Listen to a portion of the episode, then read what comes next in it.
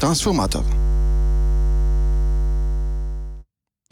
Witam w kolejnym odcinku Transformatora. Przed mikrofonem kłania się Konrad Rychlewski. Głównym tematem dzisiejszego odcinka będzie zmiana rozliczania fotowoltaiki. Przejście z net meteringu na net billing. Tradycyjnie jednak zaczynamy od serwisu informacyjnego. PackRank to konstrukcja, to projekt, który zwyciężył w tegorocznej edycji konkursu Produkt w obiegu. Konkursu przeprowadzanego przez Ministerstwo Klimatu i Środowiska. Jest to konstrukcja norweskiego startupu, konstrukcja opakowania wielokrotnego użytku. W momencie zakupu przyszły właściciel danego przedmiotu uiszcza pewną kaucję. Kaucję, która jest mu w całości zwracana w momencie oddania z powrotem danego opakowania. Opakowanie wraca do czyszczenia i może być potem wielokrotnie wykorzystywane, nawet kilkadziesiąt razy. Opakowanie to ma kolejną zaletę, polegającą na tym, że może być dostosowywane do przedmiotów różnej wielkości. Czyli nie jest już konieczne wykorzystanie dodatkowych elementów, takich jak na przykład folia bąbelkowa, po to, żeby danemu przedmiotowi zapewnić niezbędną ochronę. Czyli chronimy tutaj środowisko na dwa sposoby. Po pierwsze, zmniejszamy zapotrzebowanie na dodatkowe materiały wypełniające, a po drugie, wykorzystujemy i to kilkadziesiąt razy to opakowanie.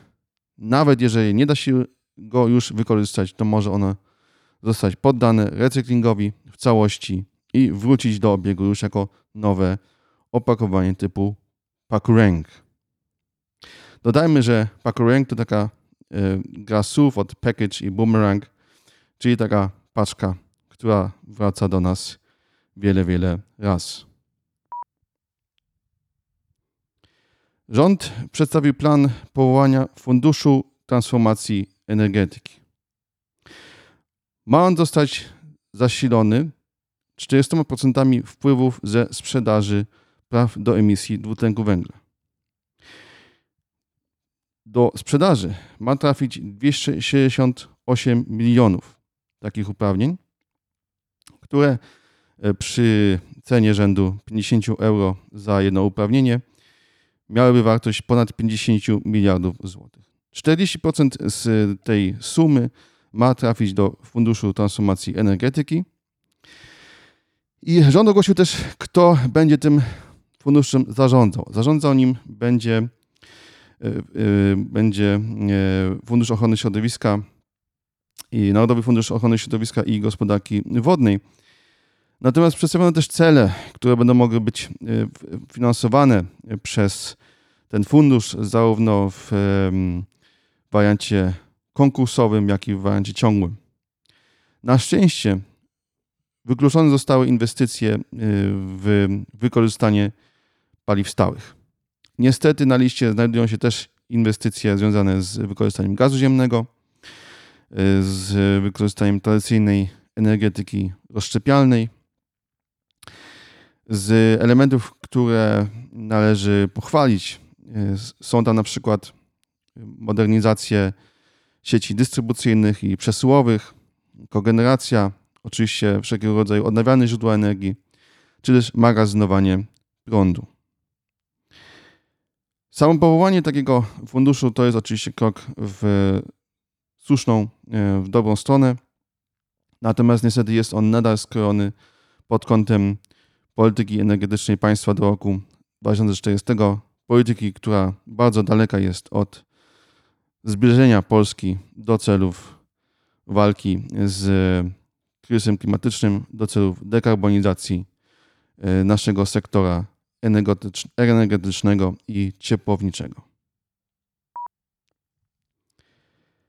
Kraków ogłosił przetarg na opracowanie niezbędnej dokumentacji i uzyskanie pozwolenia, uzyskanie decyzji środowiskowej w zakresie budowy pierwszego odcinka Premetra. Premetro ma rozwiązać problemy komunikacyjne stolicy Małopolski i ma powstać na linii wschód-zachód w północnej części Krakowa.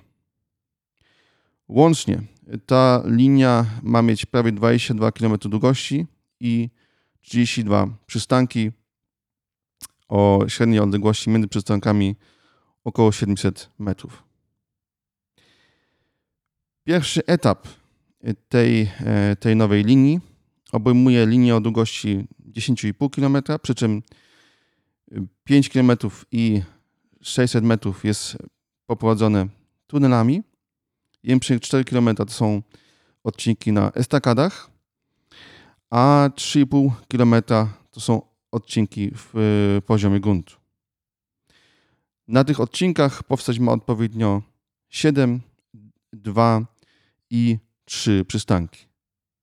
Na uwagę zasługuje fakt, że na odcinku naziemnym, czyli tym najtańszym w budowie, odległość między przystankami będzie największa, bo mamy trzy przystanki, a długość tego odcinka to 3,5 km. Ten odcinek 10,5 km będzie łączył ulicę Piastowską z rondem generała Maczka. Natomiast jeżeli chodzi o samą e, linię podziemną, samą część tunelową, to będzie ona e, obejmowała ulice, e, takie ulice jak Młyńska, Pilotów, Olszyny, Woronicza, Lubicz, Masztowa, Rajska, Czysta i Raymond. Głównym argumentem za wyborem premetra, a nie prawdziwej linii metra, był e, koszt budowy. Przy czym e, koszt budowy tunelu tramwajowego jest bardzo zbliżony do kosztu budowy metra. Po prostu chodzi o to, że gdyby to było metro, to całe te prawie 11 km byłoby pod ziemią. A tak jedynie 5,5 km będzie pod ziemią. Więc nic dziwnego, że budowa e, tunelu o długości 5,5 km jest o połowę tańsza niż budowa tunelu, który byłby dwa razy dłuższy. Tak, to nie jest za bardzo odkrywcze. Niestety yy, popełniono tradycyjny błąd w projektowaniu dużych inwestycji infrastrukturalnych związanych z transportem zbiorowym w Polsce, a mianowicie projektowano tą linię i projektuje się nadal tą linię w oparciu o dzisiejsze potoki pasażerskie. Nie przewiduje się w niej żadnego, yy, żadnego buforu bezpieczeństwa, żadnej rezerwy na to, że przecież w momencie, kiedy pojawią się yy, tak wydajne korytarze transportu publicznego, to ilość pasażerów, która będzie chciała yy, w tych relacjach podróżować, gwałtownie się zwiększy. Klasycznym przykładem, w którym sukces modernizowanej linii stał się w pewnym sensie jej przekleństwem, jest, jest linia Poznań-Wągrowiec, gdzie przewozy pasażerskie, przez to, że znacząco skrócono czas przejazdu, wzrosły trzykrotnie. Oczywiście podczas jej projektowania, podczas projektowania tej modernizacji nie założono, że, że dojdzie do trzykrotnego wzrostu y, przewozów pasażerskich. I teraz tak, jeżeli chodzi o Kraków, to ta linia ma mieć przepustowość rzędu 14 tysięcy pasażerów na godzinę. Może się wydawać, że to jest dużo. E, niestety mm, przesądza to też o tym, że najprawdopodobniej zastosujemy tramwaje o długościach, które już teraz są spotykane w Krakowie, czyli e, niewiele więcej powyżej 40 metrów, a nie pojazdy dłuższe. Zresztą jest to też podyktowane nie tyle kształtem e, tych tuneli, czy długością peronów budowanych wzdłuż tych tuneli, ale też tym, że te pojazdy mają przecież też się poruszać po całej pozostałej linii tam, sieci tramwajowej w Krakowie, a ta sieć tramwajowa jest właśnie dostosowana do y, tramwajów o długości do 33 metrów. Oznacza to, że zarówno od strony integracji z pozostałą siecią tramwajową, jak i projektowanego tunelu nie ma, jak już wspominałem, żadnej możliwości zwiększania potem przepustowości tej linii. Czyli jeżeli faktycznie będzie ona się cieszyła dużym zainteresowaniem ze strony, ze strony pasażerów, to sama stanie się wąskim gardłem. Czyli fundujemy sobie kolejne wąskie gardło, które będzie, jeżeli chodzi o odcinki tunelowe, kosztowało dokładnie tyle samo co metro, ale mm, będzie miało od tego metra mniej więcej trzykrotnie, czterokrotnie y, niższe parametry przewozowe, jeżeli chodzi o przepustowość.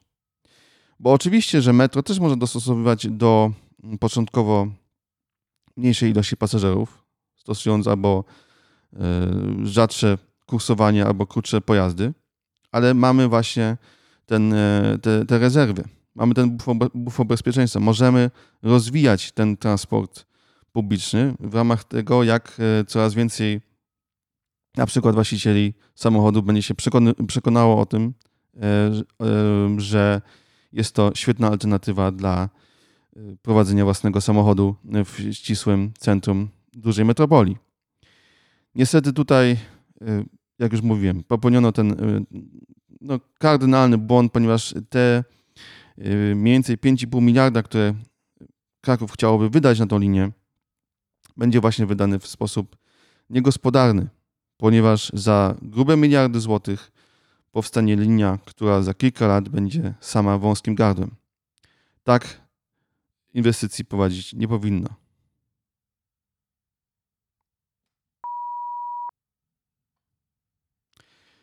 Tyle serwis informacyjny na dzisiaj. Jeżeli chodzi o zmianę proponowaną przez rząd, y, to chodzi tutaj o przejście z netmeteringu na netbilling. Znowu w polskim dyskursie, w polskiej debacie publicznej stosujemy pojęcia zapożyczone z innych języków. Jest to przykre, ale niestety dość powszechne. Meter to licznik, a bill y, to rachunek. Stąd chodzi o to, że przechodzimy z rozliczania się według licznika prądu na rozliczanie się według wartości tego prądu. Czyli jednostką, którą używamy do rozliczeń, nie jest już prąd oddany do sieci albo z niego pobrany, ale wartość tego prądu. Czyli wartość prądu, którą, yy, który został oddany do sieci i koszt tego prądu, który musieliśmy zakupić z tej sieci, który musieliśmy z tej sieci pobrać. Net metering ma dwie wady. Po pierwsze, zniechęca do maksymalnego wykorzystania potencjału, na przykład naszego dachu, czy innej przestrzeni, którą przeznaczymy pod panele słoneczne. Ponieważ jeżeli wyprodukujemy tego prądu więcej, no to udział prądu, który sami wykorzystamy, będzie mniejszy. Więcej tego prądu oddamy do sieci, a przecież jedyną możliwością przy systemie net meteringu uzyskania pewnej wartości zamiennej jest pobranie odpowiednio dużej ilości tego prądu z powrotem. Ponieważ to jest y, mniej więcej tak, że jakby ten prąd oddawany do sieci jest nam zaliczany, powiedzmy taką skarbonkę, tak? na takie konto, i jedną formą odzyskania go, jedną formą jakby uzyskania pewnej dodatkowej korzyści dla nas, poza y, świadomością, że przyczyniamy się do ochrony klimatu, jest odebranie z tej skarbonki tego prądu. I jeżeli wyprodukujemy go więcej, to trudniej nam będzie odebrać go z powrotem. I tutaj y, dochodzimy też do drugiej bardzo dużej wady tego systemu, ten system w ogóle nie zachęca nas do oszczędności. Bo przecież im więcej będziemy oszczędzać, tym więcej będziemy oddawać i tym mniej będziemy pobierać. Czyli jeszcze trudniej będzie nam wykorzystać tą skarbonkę i ją jakby wyzerować. Tak będziemy po prostu produkować prąd całkowicie za darmo. A zarówno maksymalizacja udziału odnawialnych źródeł energii, jak i zwiększenie efektywności energetycznej. Czy to e, poprzez termomodernizację, czy to poprzez zmianę przyzwyczajeń, czy to poprzez wykorzystanie sprzętów, które są mniej energochłonne, czy, czy mniej paliwożarne, to niezbędne elementy udanej zielonej transformacji. Po prostu musimy oszczędzać prąd, a system net meteringu nas do tego zniechęca. I obie te, obie te mm, wady, czy, czy obie te e, niedoskonałości systemu net meteringu są rozwiązywane przez net billing. Net billing polega na tym, że sprzedajemy nasz prąd po e, tej czy innej wartości i znowu to możemy sobie jakby zaliczać na, taką, na, takie, na takie wirtualne konto, do takiej wirtualnej skarbonki i potem możemy sobie ten prąd odebrać, ale nie już prąd za prąd, tylko po prostu y, kupując go. Tak? Czyli jakby cena prądu, którą my zapłaciliśmy za, y, za tą, y, tą energię elektryczną, którą pobieramy z sieci, jest pomniejszana o tą wartość, którą miał prąd, który do tej sieci sprzedaliśmy. I oczywiście, że nie możemy sprzedawać po cenach detalicznych ponieważ wtedy e, przedsiębiorstwa energetyczne, które by e, od nas ten prąd kupowały, ponosiłyby straty, ponieważ w cenie detalicznej są e, takie składniki jak ceny przesyłu, są najróżniejsze opłaty, podatki itd. Tak itd. Tak I, te, I po prostu te przedsiębiorstwa energetyczne, które by ten prąd od nas odbierały, a pamiętajmy, że, że pozostawione jest zasada, że jest e, obowiązek odebrania od nas tego prądu. Przedsiębiorstwo, z którym podpisaliśmy kontrakt, nie można powiedzieć, że teraz mi się to nie opłaca, więc zróbcie z tym prądem co chcecie, ale ja nie odbiorę tego prądu. Jest obowiązek e, odebrania tego prądu od nas, tej nadwyżki. I wobec tego przedsiębiorstwo byłoby stratne. Dlatego oczywistością jest, że ten prąd sprzedawany do sieci musi być sprzedawany po niższej cenie, niż ten prąd, który my potem będziemy kupować. Rząd zdecydował się na to, że ten stosunek ceny, e, za którą będziemy sprzedawać i ceny, za którą będziemy kupować, będąc prosumentem, będzie jak 0,4 do 1. Dotychczas w netmeteringu było tak, że w instalacjach do 10 kW mogliśmy odebrać sobie 80%, 80% tego prądu, który został wysłany do sieci. W instalacjach do 50 kW e, było to 70%. Czyli można to tak zobrazować, że opłacalność instalacji, na którą kolosalny wpływ ma ten przelicznik, spada z 0,8 lub 0,7 do 0,4. Stąd te plany spotkały się z bardzo mm, chłodnym, bardzo negatywnym y, przyjęciem ze strony wielu komentatorów, wielu dziennikarzy. Ale pamiętajmy o tym, że rozwiązują one właśnie te dwa główne problemy, czyli nie ma już zniechęcania do budowy większych instalacji i opłaca się w końcu oszczędzać. No bo skoro będziemy oszczędzać prąd, to będziemy też mniej tego prądu kupować. A skoro będziemy mniej tego prądu kupować, no to różnica na naszą korzyść będzie rosła. Jest jeden szkopuł. Niestety rząd, y, przynajmniej w obecnym projekcie, na, na y, obecnym etapie prac nad tym projektem, proponuje, żeby y, była sztywna górna granica tego, ile możemy miesięcznie zarobić. Konkretnie jest to 20% prądu, który oddaliśmy do sieci. Czyli na przykład, jeżeli w maju, weźmy jeden miesiąc, jeżeli w maju sprzedaliśmy do sieci prąd o hurtowej wartości 400 zł i kupiliśmy prąd po cenie detalicznej za cenę 300 zł, to mamy nadwyżkę 100 zł. Ale 100 zł to więcej niż 20% bo 20% z 400 to jest 80. Więc te pozostałe 20 zł po prostu przypada. Po prostu jest jakby zyskiem przedsiębiorstwa energetycznego, z którym podpisaliśmy kontrakt. I to jest kolosalny błąd. Więc gdybyśmy rozpatrywali to, co trzeba najpilniej poprawić w projekcie rządowym, to właśnie likwidacja tej e, górnej granicy. Bo ona wprowadza sztucznie, y, znowu mechanizmy, które zniechęcają nas do maksymalizacji produkcji z odnawialnych źródeł energii. Ostatni może element, który tutaj warto podkreślić, który często umyka komentatorom. Rządowi chodzi o to, żeby zwiększyć autokonsumpcję, żeby e, ten udział prądu, który wykorzystujemy na własne potrzeby, wzrósł z około 30% jak najwyżej, jak najbardziej zbliżył się do 100%.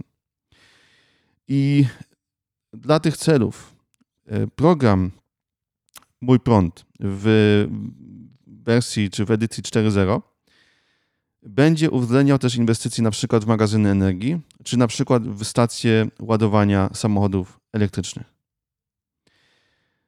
W poprzednich edycjach y, takie elementy w ogóle nie były dofinansowane, ale też nie opłacało się magazynować własny, y, własny prąd tak bardzo, jak będzie to przy net billingu. Ponieważ przy net meteringu, owszem, jeżeli magazynowaliśmy prąd, no to wykorzystaliśmy jakby 100% tej produkcji, a nie 80%. Ale tutaj będzie to różnica 0,4 do 1. Czyli wykorzystanie energii elektrycznej zmagazynowanej we własnym, we własnym magazynie, we własnych bateriach, we własnym akumulatorze będzie 2,5 raza bardziej opłacalne niż wysłanie jej do sieci i późniejsze jej pobranie. A to jest bardzo istotne, ponieważ transformacja energetyczna nie może polegać na tym, że w lecie, powiedzmy umownie w lecie, zresztą nie tylko umownie, w praktyce też, e, te nadwyżki są największe, prawda? Mamy też największe, największą ekspozycję na słońce, więc jakby nie chodzi o to, żebyśmy w lecie wszyscy produkowali prąd z paneli słonecznych, a w zimie go sobie odbierali za darmo e, z elektrowni węglowych. Tak transformacja energetyczna się nam nie uda. Więc bardzo dobrze, że idziemy w kierunku doceniania i docenienia w magazynowania prądu, docenienia właśnie wyższej autokonsumpcji, ponieważ nie tylko odciąży to sieci przesyłowe, ale zbliży nas do celów walki z katastrofą klimatyczną. Dlatego i pewnie jest to nie pierwszy raz, pewnie się Państwo z tym, e, z taką oceną moją zgodzą, że nie pierwszy raz rząd wprowadza zmianę kontrowersyjną, nie do końca tłumacząc jej zalety i niestety wprowadzając ją tak, że istnieją regulacje, które ograniczają pozytywne skutki takich zmian. Jak na przykład ta górna granica tych 20%. Nie jest to jedyny mankament tej zmiany. Jeżeli chcieliby Państwo się dowiedzieć więcej o tych mankamentach, to zachęcam na mój kanał, zachęcam do obejrzenia odpowiedniego materiału na moim kanale na YouTubie. Tam poruszyłem też inne, może trochę mniej istotne wady y, tego projektu, który właśnie jest procedowany w Senacie. Bardzo dziękuję za uwagę. Y, z przyjemnością poznam y, Państwa zdanie na, na tematy poruszane w dzisiejszym odcinku. Dziękuję za słuchanie tego odcinka Transformatora i zachęcam oczywiście do słuchania następnych. Do usłyszenia.